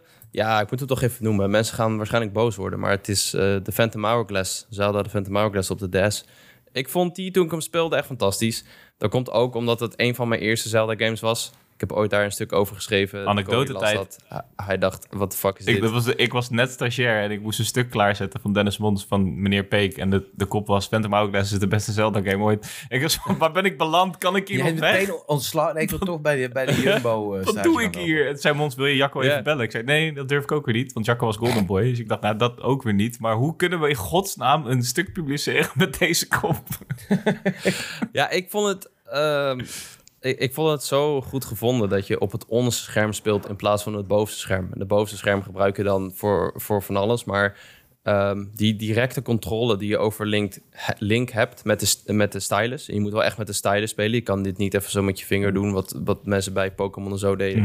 Ehm, die, ja, het, het, het- het- ze maken zo goed gebruik van de functies van de DS. Het is, je weet je, eh, het is heel makkelijk. Je tikt en je, je slide en je doet een, rondje draaien. Eh, maar ook de puzzels met bijvoorbeeld het blazen. Of ehm, dus, er is één puzzel dat je, je... Je moet iets... Ik weet niet, je moet iets meenemen of zo. Of je moet info van een kaart zien te krijgen. En ik denk, hoe krijg ik dit ooit voor elkaar? Dus ik doe, ik doe mijn DS dicht. En ik kom later weer terug. En wat dus blijkt, is dat je dan in die game de kaart samenvouwt. En, en hem op het onderste scherm plakt. En dan zo een afdruk maakt op het bovenste scherm. En dat was wel echt zo'n moment dat ik dacht: oké, ze hebben niet zomaar een, een Zelda voor de DS gemaakt. Ze hebben echt, echt heel goed nagedacht over wat dit platform uniek maakt. En het ook op een goede manier gedaan, zonder dat het echt vervelend wordt. Ik, ik, eh, veel mensen vonden de touchbesturing niet ideaal. Ehm, ik, vond het echt ontzettend chill. Ik, ik had het heel snel door. Eh, en ehm, ik vond het ook wel een cool aspect dat je in plaats van meerdere dungeons doet, teruggaat naar die ene dungeon en dan onder tijdsdruk eigenlijk steeds een stukje verder komt. Dat dat bijna een soort van roguelike aspect, waarbij je eh, naarmate je in de game vordert, ehm, ja, steeds sterker werd en ook steeds dieper erin ging. Maar als je eh, daar te lang bleef, dan was je fucked eigenlijk. Eh, en dat, dat, ja, dat gaf iets heel stressvols. Ja, ja die, dat, dat, tijd, heel- dat tijdslimiet, dat, deed mij, dat, dat raakte mij met Joras Mask prikkel wel. Ja. Het was volgens mij niet zo Ja. dat je per se eh dood ging als je de tijdlimiet overschreed, maar wel dat je Nee, je eh, schade begon te krijgen. ja, Waardoor je ja. inderdaad heel veel stress kreeg. En wat ik ook wel heel erg kan waarderen aan dit spel, is wat je net zei over die map, dat was ik eigenlijk helemaal vergeten. Maar dat was eigenlijk een soort voorloper op wat je in Breath of the Wild begint te doen, hè? je eigen map invullen. Ja, ja, het was meer één puzzel hoor. Maar, eh, nee, maar je kon ook op de je- map je- kon je gewoon doodelen Ja. en zeggen waar, waar chests waren en andere interessante ja. punten. Dus, ja, je eh, kon dingetjes verslepen volgens mij. Je kon er ook op tekenen. Dus je kon voor jezelf een beetje aantekeningen maken van... oké, ik heb dit hier gevonden Ja. of ik moet zo daar zijn. Eh, en dat werkte ook best wel goed samen met die boot. Ik vond het varen op die boot en dat upgraden en zo... vond ik ook eigenlijk superleuk. Oké, en dat hij zag is er best wel goed uit. Je hebt hem overtuigd. Ja. Ja, nee, kijk, het, weet, eh, kijk, het is niet de beste Zelda-game ooit. Het is ook... Wel Ja, volgens een ik- bepaalde column die ik eh, gelezen heb. ja, dat was member content volgens mij toen nog. Toen werkte ik niet. Nee, nee, je was freelancer. Echt? Ja, zeker. Nee. Ja, zeker. Ja? Ja? zeker. En jij hebt dit gezegd dus, Jacco, dat Phantom Hourglass de beste Zelda ooit is. Ja. Hij kende Ja, mij nog toen eigenlijk nog niet, niet. dus. Sindsdien. Ik heb dus gewoon Phantom Hourglass, Spirit Tracks en Minish Cap nooit gespeeld. Moet ik Minish Cap is wel echt Oké. verplichte kost hoor. Ja, dat denk ik dus ook. Het kriebelt wel eens. Minish Cap heb ik ook dit jaar... Nee, ik heb drie kwart ervan gespeeld. Ik heb hem nog niet uit, maar fantastisch ook. Maar goed, ja, eh Phantom Hourglass en ook Spirit Tracks trouwens. Maar Phantom Hourglass was wel, was wel de eerste van die Spirit twee. Tracks was ook leuk, maar als tussen deze twee moet ik toch de edge geven aan, aan Phantom Hourglass, omdat dat wel wat je op het begin zei van je, van je betoog echt heel erg goed gebruik maakt van de stylus. Echt heel goed, zeg maar. Kun je die nu nog fatsoenlijk spelen, die games? Staan die op, op Nintendo's online dingetje of zo? Minish Of, Cap eh, kan je gewoon nee. op de NSO spelen. Op de Nintendo Switch Ja, Online. Minish Cap wel. Ja. Ja, Ja, maar dat is echt eh, heel leuk gepoord. Die andere twee wordt wel lastiger. Daar heb je ook wel echt een DS voor nodig. Ik vond Spirit Tracks, daar gebruikte je de stylus vooral om een kant van je trein te kiezen. Dat was wel leuk. Maar ik heb het Ja. idee dat bij Phantom Hourglass dat wel echt beter, eh, beter erin verwerkt zat. Het doet me in dat opzicht een beetje denken aan wat Okami ook deed met eh, het tekenen van dingen Ja, met en zo. schilderen. Ja. Ja. ja. Okami Ik is heb niet hier nog een een DS liggen, dus eh, niet dat ik die ga, ga spelen. Zal ik nog een leuke ja. Okami slash eh, Shinji Mikami anekdote vertellen? Heel graag. Alles over Okami is welkom. Wij zaten in eh, Tokio en ik was met de Raf, oude Raf, eh Raf Pikavet. en eh, we hadden een interview met Shinji Mikami voor Vanquish. En we waren daar, het was zeg maar zes uur. Steven Sanders was er ook nog bij van Game Kings. En eh, toen zaten we in die, die Tokyo Tower. En toen was het eigenlijk het idee van, oh ja, jullie interviews pas over 3,5 uur. Dus wij zeiden, oké, prima, weet je wel. Dus we gaan eten. Dus wij naar een Koreaans eh, barbecue restaurant waar niemand zat. Wij met z'n drieën. Echt een van de mooiste avonden van mijn leven gewoon met, met gewoon drie guys en, en eh, Steven en, en Raf natuurlijk allebei echt toppers om, om erbij te hebben. Gewoon in Tokio lekker eten, alles bestellen wat we konden. Die hele tafel vol, biertjes erbij. En vervolgens, klein beetje beteut, eh, klein beetje teut, dus dat interview in. En Raf die zit daar gewoon met droge ogen tegen Mr. Shinji Mikami himself. En hij begint gewoon zijn eerste vraag. Zo, eh, Mr. Okami. Eh, en ik zit daar. Zo, Mr. Okami. Dat is letterlijk gewoon, het lijkt amper op zijn achternaam. Vooral als je Japaner bent, zijn het waarschijnlijk twee totaal verschillende dingen. Dus eh, dat was, eh, ja, was leuk. Wou ik even tussendoor Ik fietsen. vind dat wel leuk, ja. Vet. Ja, ik vind het een goede Jacco. Eh, Ze zijn allebei goed gekeurd. En eh, het heeft ook in een kleine Okami-anekdote opgeleverd. Dus dat is altijd goed. Ja, welke, Ehm, eh, wat is jouw volgende? Mijn volgende is Astral Chain van Platinum Games. Astral Chain, Oh, oeh. Ehm, ik ben dus, dat weten jullie allemaal, echt niet de grootste eh, JRPG-man of whatever. Ehm, ik kan Platinum Games wel heel erg waarderen, maar dat is ook wel de meest toegankelijke vorm van, eh, van dat genre, denk ik. Ehm, je hebt natuurlijk ook die Korra-game die ook best wel leuk was van The Legend of Korra, maar dat stelt niet heel veel voor. Maar Is er een Korra game die leuk is, really? van Platinum Games, ja, het is... Het is het is Meestal niet super gaaf, want ik haal de platinum trophy binnen vijf minuten en dat is alles wat hij te halen is. Hij is redelijk gaar. Ja, hij is redelijk gaar. Maar hij is wel, We hij zijn is nou wel van leuk. redelijk leuk naar redelijk gaar gegaan. Nou, het ding is, Combat is leuk. Hij is redelijk gaar, maar je hebt ook een pro-banding eh, aspect in die game. En dat vind ik heel tof. Als je hem uitspeelt, dan kan je gewoon pro-banding toernooitjes gaan spelen. En daar ben ik wel echt eh, lang mee bezig geweest. Vind ik echt heel cool. Oké. Ja, Ehm, maar Astral Chain. Maar ja, Astral Chain, ja, eh, ik, ik vond dat zo'n zo'n zo'n leuke game en zo makkelijk te volgen voor iemand die niet per se in het genre zat. Ik kocht hem toen op release en ik dacht, ik weet niet wat ik hiervan moet verwachten. Als ik heel eerlijk ben, vond ik vooral de naam heel cool, Astral Chain. Ik dacht, yo, dit is sick. Ik zag wat gameplay trailer met een soort van leeuwbeest of zo. Ik dacht, wow, dat ziet er sick uit. En vervolgens heb ik die game gewoon in één weekend, in één rits uitgespeeld. Ik vond het zo tof dat je naar die Astral Planes gaat en dan ben je echt een soort van in een andere wereld. Eh, en, je, en je, je transformeert. En ik vond de ook heel interessant. Dat je best wel kleine stukjes hebt waar je steeds verder in kan uitweiden. En dat er toch een soort van arena plaatsvindt, à la Twilight Princess, waar je dan eh, in moet vechten. En pas als je verslagen hebt, mag je weer door. Eh, dus het verhaal vond ik redelijk boeiend. Eh, ik vond het cool dat je politieagenten was, of in ieder geval iets in die richting. En eh, ik heb eigenlijk heel lang verlangd naar deel 2, maar die, die, die komt niet, omdat ze andere projecten aan het doen zijn, denk ik. Maar ik hoop nog steeds dat er een vervolg in zit van Astral Chain, want ik vond het echt een hele toffe game.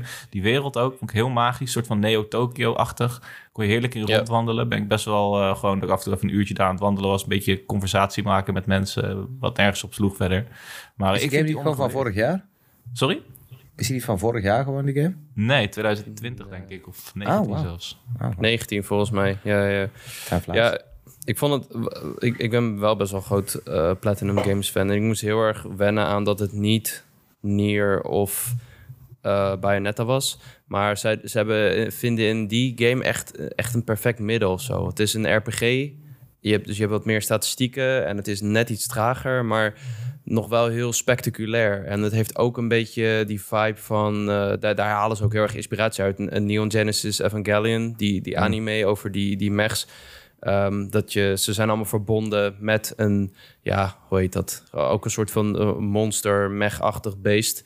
Eh, en daar kun je dan verschillende van vrijspelen. En die dan eh, inzetten in combo's. En op een gegeven moment heb je die vier. En dan kun je echt helemaal losgaan met... oké, ik zet die in en dan switch je weer over naar de andere. En dan geeft die weer een klap en dan ga je weer terug. En ehm, ja, ik vond die game ook echt heel erg goed. En je hebt een leuke uitvalsbasis. Dat vind ik ook, ook Ja, altijd leuk in absoluut. games. Je hebt een soort leuke eh, politiebureau met je eigen... Met je eigen cozy kamer waar je dan wat dingetjes in kan doen, kleding kan swappen. Ehm, ik wacht ook op een deel 2, maar ik weet niet of die door eh eh, Kamiya is gemaakt. Die is weg Of natuurlijk. hij, ja, die mag niks meer doen in de game-industrie voor een paar jaar. Hoezo Ja. mag hij niks doen? Hij mag toch gewoon... eh, Nee, volgens mij is, staat dat in, in zijn contract. Hij mag een paar jaar geen games maken. Ik weet wel, Mikami, die had... eh het is de Shinji Mikami podcast aan het worden. Maar die had dus eh, in dezelfde maand als dat eh Kamiya wegging, zeg maar... had hij Ja. gezegd van... Zo, nou, mijn, of mijn, mijn concurrentiebeding zit erop. Misschien moet ik maar een game gaan maken. En letterlijk een week later was Kamiya zo van... Hé hey jongens, fuck jullie, kappen mee. En die twee gasten zitten meteen een paar maanden later met z'n tweeën in een... eh, zij komen natuurlijk allebei uit dezelfde de Capcom eh, eh, Team Clover school. ja. Ja, die twee boys samen weer. Zij zijn natuurlijk mijn, mijn Resident Evil Dream Team. Ik ben niet zo zou fan van. Camille, waar Camilla heen is gegaan sinds Capcom. Maar toen de tijd, back in the day, waren die twee wel... Ja, wat ik zeg, was een Dream Team, man. Ja. Interessant. Ja, ik, hoop dat dus. die, ik hoop dat hij snel aan de slag mag. ja, volgende game, Simon. Ja, ik, ik zit even te kijken. Kijk naar de tijd. En jij zei iets over Cody's agenda. En ik heb een lijst van 58 titels. Ja, je moet wel ik- echt gaan kiezen. Ik denk dat we allebei allemaal nog eentje kunnen doen. Ja, er is altijd een Ja, dat is echt too much. Ik moet sowieso twee. Ik, ik, ja, nee, wat ik heb... Oké, doe ik- er nu twee dan. Ik doe er twee tegelijk, dat kan inderdaad. Het zijn namelijk mijn twee favoriete Wii-titels. En het zijn allebei titels waar je of zegt van... ik heb geen idee welke titels dit zijn. Maar Oeh. deze zijn zo goed. Kennen jullie, ik zal eerst deze noemen... Little King's Story. Ja, De dat naam, ken ik wel, ja. de naam oh, ken ik. die is zo fantastisch. En in dezelfde veen, eh, Chocobo Dungeon. Allebei Die- op daar heb ik ook wel eens van gehoord. Chocobo Dungeon, is die van eh, Spike Chunsoft? Die Ja, ook de volgens mij wel, Pokémon ja. Mystery Dungeon games... En Ja, vergeet, ik heb zeker, gehoord, ja. vergeet zeker ook niet AI Somnium Files en Danganronpa. Natuurlijk ook allemaal van hun. Ah, ja, Eh, ja. ik zal eens even, op, even snel opzoeken wie die is hoor. Eh Chocobo, eh, Chocobo Dungeon is, is een, een dungeon crawler. Je hebt gewoon een soort van top level. En ehm, even kijken, Chocobo's Dungeon. Oh, Final Fantasy Fables Chocobo's Dungeon heet hij.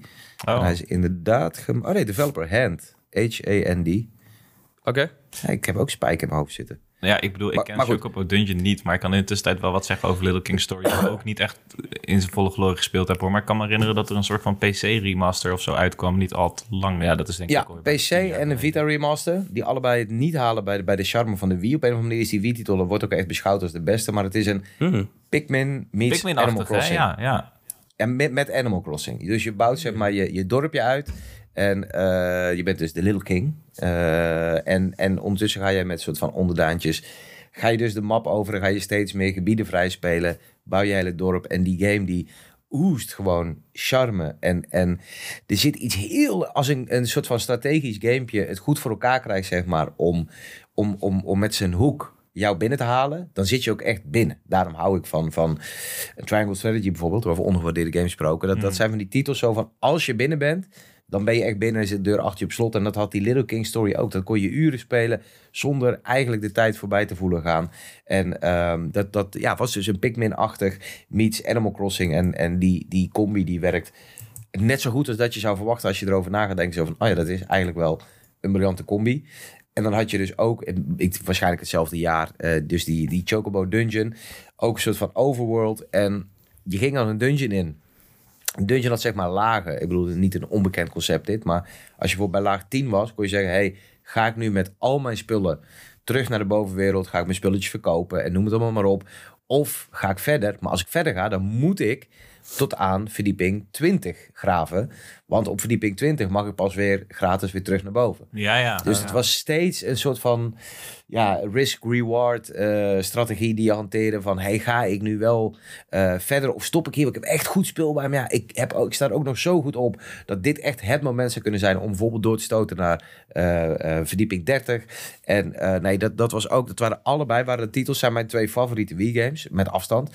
allebei titels van ik zeg van ongelooflijk goed. Daar hoor je nooit meer iemand over. En die waren gewoon echt, het is echt zoiets wat gevangen is in de tijd van toen. Ja. Was Little King Story, was Joke Dungeon, de shit. En daarna vergeten door de mensheid, en, en, uh, maar niet door mij. Dus Nou, liefde voor, uh, voor die allebei. Ik dank je in ieder geval voor Little King. Want ik, dit is misschien wel iets wat ik denk uh, dat, dat mijn vriendin echt fantastisch gaat vinden. En ik Het is zo leuk. ben aan het terugdenken aan het Mijn broertje speelde dit en ik was altijd wel geïnteresseerd. Ik vond het, want zo naïef was ik dan ook alweer, dat ik dacht van is dit niet gewoon een soort van Animal Crossing? Alleen dan Ja, wat kutter.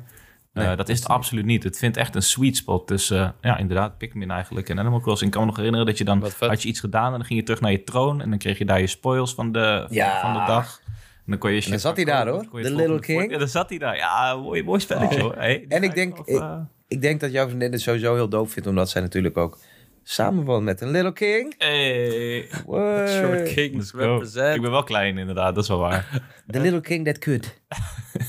Ja, dit is echt eh, misschien wel de heetste tip van vandaag. Want Ja, als ik een nice. game vergeten was, was het Little Kings. Eh, allebei nog één toch, Jacco? Ja, wil jij eerst? Eh, ja, ik wil best wel eerst. Dan moet ik even mijn lijstje erbij pakken. Die staat hier. En dan zie ik een aantal titels staan die ik gewoon even ga opnoemen, maar niet ga elaboraten. Lovers in the Dangerous Space Time. Ga die fucking game spelen alsjeblieft, als je een beetje van co-op multiplayers houdt. Ehm Hivo, hetzelfde verhaal, maar ja, is misschien niet echt underrated. Kid, Icar- Kid Icarus Uprising wil ik nog even benoemen, want dat was echt een heerlijk spelletje voor op je handheld. Dat vond ik echt heel leuk. Mag ik Maar- jou één seconde onderbreken? Jullie Ja. als Nintendo Boys. Is Kid Icarus op de NES niet de meest overrated game ooit? Hij is sowieso overrated, maar dat was ook Maar- omdat...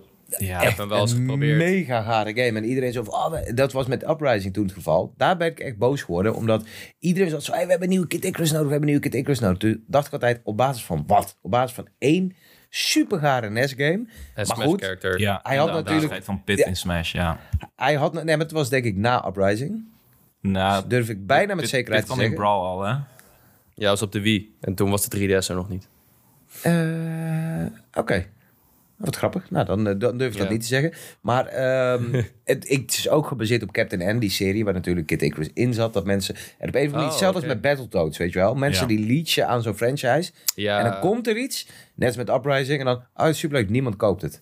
Ja, Ja, ik, ah, ik vind Uprising dus wel ondergewaardeerd. Want dat is wel daadwerkelijk echt wel een, een engaging game die mij echt... Oh nee, maar dat zou kunnen. Ik heb het ook puur over die NES game. Maar de, de helemaal gaaf was. Inderdaad... Ja, het was, het was sowieso vrij simpel. Het is ook absoluut niet goed verouderd. Waar een, eh, waar een Jumpman of steeds wel leuk is om te spelen... zou je dat zeker niet kunnen zeggen over Kid Icarus. En misschien ook niet over de eerdere Kirby-games. Dus eh, dat, daar ben ik wel Nou. met je eens. Maar ehm, ja, ik weet niet, die link leg ik dan even. Ik vond ik allebei een beetje vrij kaal nog of zo. En er gebeurde ook niet heel veel. Maar ik, ik vond Uprising heel erg leuk. Maar ik ga toch mijn tijd besteden aan Temtem. Dat is ook omdat ik hem speel. Maar het is ook omdat ik mensen gewoon wil duidelijk maken... dat als je... Wat is Temtem? nice. Temtem Heb je is er een- nooit over gehoord? de grootste Pokémon rip-off die er bestaat. Eh, is vorig jaar eh, volledig uitgekomen, ging in 2020 in Early Access. En dat is Pokémon Done Right. Dat is gewoon wat het is. Uh, het is een, volgens mij een Spaanse ontwikkelaar die zoiets had van... yo, wat nou als wij bij Game Freak werken... en we kregen gewoon de mogelijkheid... Wel een normaal budget. Een normaal budget. Het is een Kickstarter geweest. Ze mikt volgens mij op, op 70k en hebben iets van 570k ontvangen. Uh, was ook heel leuk hoe je daarmee engaged kon zijn. Als je 6k betaalde, mocht je een Temtem ontwikkelen. Mocht je hem zelf vormgeven en kwam die in de game. Uh, en een van de favoriete Temtems, uh, die is dus, kwam ik laatst achter, gemaakt door een Kickstart-ondersteuner. superleuk, maar het maakt op zoveel manieren gebruik van het Pokémon-concept, wat, de, wat Game Freak gewoon al zo lang nalaat. Je hebt bijvoorbeeld een stamina-balk, dus je kan niet de hele tijd gewoon stomweg aanvallen doen en je strategische moves uh, negeren. Um, het heeft hele toffe DualSense-ondersteuning, waardoor als je, als je bijvoorbeeld een Earthquake doet, dan krijg je ook echt een Earthquake in je controller. En dan schud je alle kanten op. Um, als je in het Pokémon Center zit en je laat je Temtem healen, dan voel je ook echt zo die balletjes vollopen. En dan worden ze naar jou gestuurd als het ware. Dus uh, die DualSense ondersteuning is heel goed. Uh, wat het ook echt fantastisch doet, is uh, de moeilijkheidsgraad. Je begint die game net zoals in Pokémon door tegen je rivaal te vechten. En in plaats van dat je vrij makkelijk wint, omdat hij de non-very effective keuze maakt, kiest hij de very effective keuze op jou. En word je gewoon in twee, twee aanvallen kapot gemaakt. Uh, dus dat is een heerlijke, een heerlijke kennismaking. Verder ben je gewoon de eerste twee uur bezig met elke battle verliezen. Omdat je het nog niet heel goed begrijpt. En omdat je echt strategisch moet nadenken. Het is altijd 2 tegen 2. En uh, je kan dus volledig online samenspelen. Ik speel die game nu met Mol volledig online samen. En dan heb je dus allebei een party van drie in plaats van zes die je kan meenemen. Uh, er zit ook geen XP-share in. Het is, echt, het is gewoon Pokémon zoals Pokémon Red en Blue was. Alleen dan naar nu geteeld in een MMO-wereld helemaal vol. Uh, gyms heten dojo's. Dus het is echt een hele directe rip-off. Maar het is zo fantastisch goed uitgewerkt. Je bent ook niet bij de Pokémon League met Pokémon van level 40. Ik ben nu bij de vijfde, zesde gym. En ik heb Pokémon van level 60. Dus het, het, is, ja, het is gewoon wat je altijd denkt bij Pokémon van... Had Scarlet Violet dit kunnen zijn? Ja. Ik ben trouwens ook van overtuigd dat Scarlet Violet daadwerkelijk gekeken heeft naar Temtem. Want daar zitten echt wel wat dingetjes in die ik herken. Um, dus uh, ja, ik, ik, denk dat het heel goed is ook voor Game Freak dat ze een concurrent hebben. En natuurlijk moet je jezelf er overheen zetten dat het geen Pokémon zijn. Op het moment dat je dat doet en gewoon denkt van... hé, hey, dit is Gen 10, waar ik toch geen fuck van ken. Het is toch allemaal niet meer uh, met de originele Pokémon. Ja, dan is dit echt een ride. Maar is het, is het ook voor kids of is het echt uh, meer... Het is absoluut voor kids ook, ja zeker. Ja. Maar, Kun je co-op spelen? Ja, helemaal. Maar niet op dezelfde uh, console. Dus je moet wel... Maar het is op alle platformen. Dus op Xbox, maar dan moet je allebei een Nintendo abonnement hebben. Uh, als je hem op Switch speelt, wel, ja. Dus het is, het is alleen maar online uh, co-op? Ja, dat wel. Ah, ja. Dat maar het is op alle platformen. Er zit namelijk nu iemand achter in de auto die zegt... Hey, papa, ik wil dit ook spelen. Ja, maar dat moet je eigenlijk wel doen, man. Het is zo goed. En het is volledig ja, cross-progression en crossplay. Dus ik kan nu op een Playstation spelen... en dan wil ik in de avond in bed verder spelen... open ik mijn Switch en dan zit ik op dezelfde save game ah, te spelen. Ja, dat is wel prettig. Wie dat weet, wie weet ligt het wel onder de kerstboom. Je weet het niet. Ik, en nu weer stil. Probeer een podcast te luisteren. Ja, nou ja, dus die, die wilde ik toch wel even wat liefde geven nog Temtem. Snap ik, ik, ben er echt, uh, ik ben er echt wel een beetje verliefd op geraakt. En, um, ik moet er ook een keer aan beginnen. Een ander detail ik ben, ik ben daarna zou ik erover ja. ophouden. Uh, bij Pokémon, als je een, een evolutie vangt in level 30 en je, dan evolueert hij in een vast level. Dus je hebt zeg maar in level 18 heb je een Charmeleon en in 34 heb je een Charizard. Dat is hier uh, op een andere manier ingedeeld. Het is hier wanneer je Pokémon vangt, dan heb je een aantal levels die je met hem moet trainen en dan pas evolueert hij. Dus als jij in level 40 even denkt een Nido, Nido, uh, Ren, Nido te vangen of zo, dan moet je gewoon echt tot level 80 doorgaan. Op die manier de Pokédex vol krijgen is een stuk uitdagender. En je kan een platinum verdienen. Yes! Eindelijk mijn Pokédex oh. voltooien oh, en een gouden trofee krijgen. Ja, dat is... Oh, ga je een platinum? Zeker, ik ben er volop mee bezig. Sick. Dus uh, ja. Oké, ja, goede tip, Temtem. Ja, ik, ik wil er ook nog een keer aan beginnen. En, uh, we gaan het er vast nog wel meer over hebben, want jij zit er super, super diep in. Zit er vijf diep in. Um, ja, ik heb ook nog een paar games lastig kiezen. Ik heb nog een paar GBA-games. Ik had de Tony Hawk games op GBA. Die zijn echt wel veel beter dan ze moeten zijn of zo. Oh my god, ik ben de hele GTA, oh, GBA vergeten. Oh, dan moet ik, ik moet in mijn shout-out lijstje nog eentje erbij zetten hoor. Sorry, ga door. uh, nee, ik doe even shout-out naar Pro Skater 2 en Underground. Die heb ik op GBA gespeeld. Die zijn fantastisch. Uh, de eerste Avatar The Legend of Aang, Aang game. Uh, die was op GBA en DS heel goed. Dat is heel leuk. Uh, veel beter dan, de, ik denk, de allerbeste Avatar game die er is gemaakt. Um, het, is, het is echt een soort van RPG met uh, best wel vette puzzels en uh, veel te kort wel. Ze doen echt een klein stukje van het eerste boek, maar uh, vooral de GBA volgens mij. De GBA-versie is nog veel korter. maar echt gewoon een hele vette game-adaptatie van Absoluut. After, Ik denk ook de beste hoor, Jacco. Ja, ja, ik vind de Korra game ook heel goed door de combat. Maar eh, gewoon als totaalpakket is, is deze denk ik nog iets beter. Eh, en eh, een licentiegame die ik echt helemaal grijs heb gespeeld. En ik weet niet of mensen dat weten, maar Star Wars Episode 3, The Revenge of the Sith op de GBA is echt fantastisch, man. Dat is echt een soort klassieke beat-em-up game. Dus, maar dan met lightsabers. En je, speelt twee keer door het verhaal game eh, heen. Eén keer als eh, Anakin Skywalker, één keer als Obi-Wan. En de paden splitsen zich. Eh, maar de combat is heel goed. De combat is echt, echt super vloeiend en lekker. En eh, het doet me heel erg denken aan eh, die Double Dragon games, Ninja Turtles. Eh, maar hier heb je dus ook eh, een aantal force powers. En daar moet je ook heel veel gebruik van maken. Dus je kan vijanden naar je toe trekken of je kan ze wegduwen. Eh, je kan, eh, als je op het juiste moment blokt, kun je kogels van eh, droids terugschieten of stormtroopers. En die, weet je, de- die schieten dan heel veel op je. Dus als je dan heel, heel goed blokt, dan kaart je ze allemaal terug. Ja, Sommigen hebben dan een schild en die moet je dan weer iets tegenaan gooien wat in de omgeving ligt. En voor een GBA-game, een licentiegame, is hij echt ontzettend goed. Hij is... eh, ehm, ja, het, het voelt echt als, als zo'n klassieke beat-em-up. En ik heb hem toen gespeeld als kind. En eh, later heb ik hem nog een keer opgepakt. En dan dacht ik, ja, dit is eigenlijk veel beter dan het had moeten zijn. Dus ehm, dat is mijn laatste tip. Nice. Episode 3. Lijp. Ja. Voordat jij je lijstje doet, Simon, dan wil ik nog even één eh, honorable Mhm. mention doen die ik zou, zou ik vervelend vinden als ik die vergeet. Dat is eh, Mighty Morphing Power Rangers, de Fighting Edition op SNES. Ik denk dat die ondergewaardeerd is. Ik denk dat dat echt eh, voor zijn tijd echt... Ranger. Ja, die, ja, ik weet niet. die shit was zo fucking goed, man.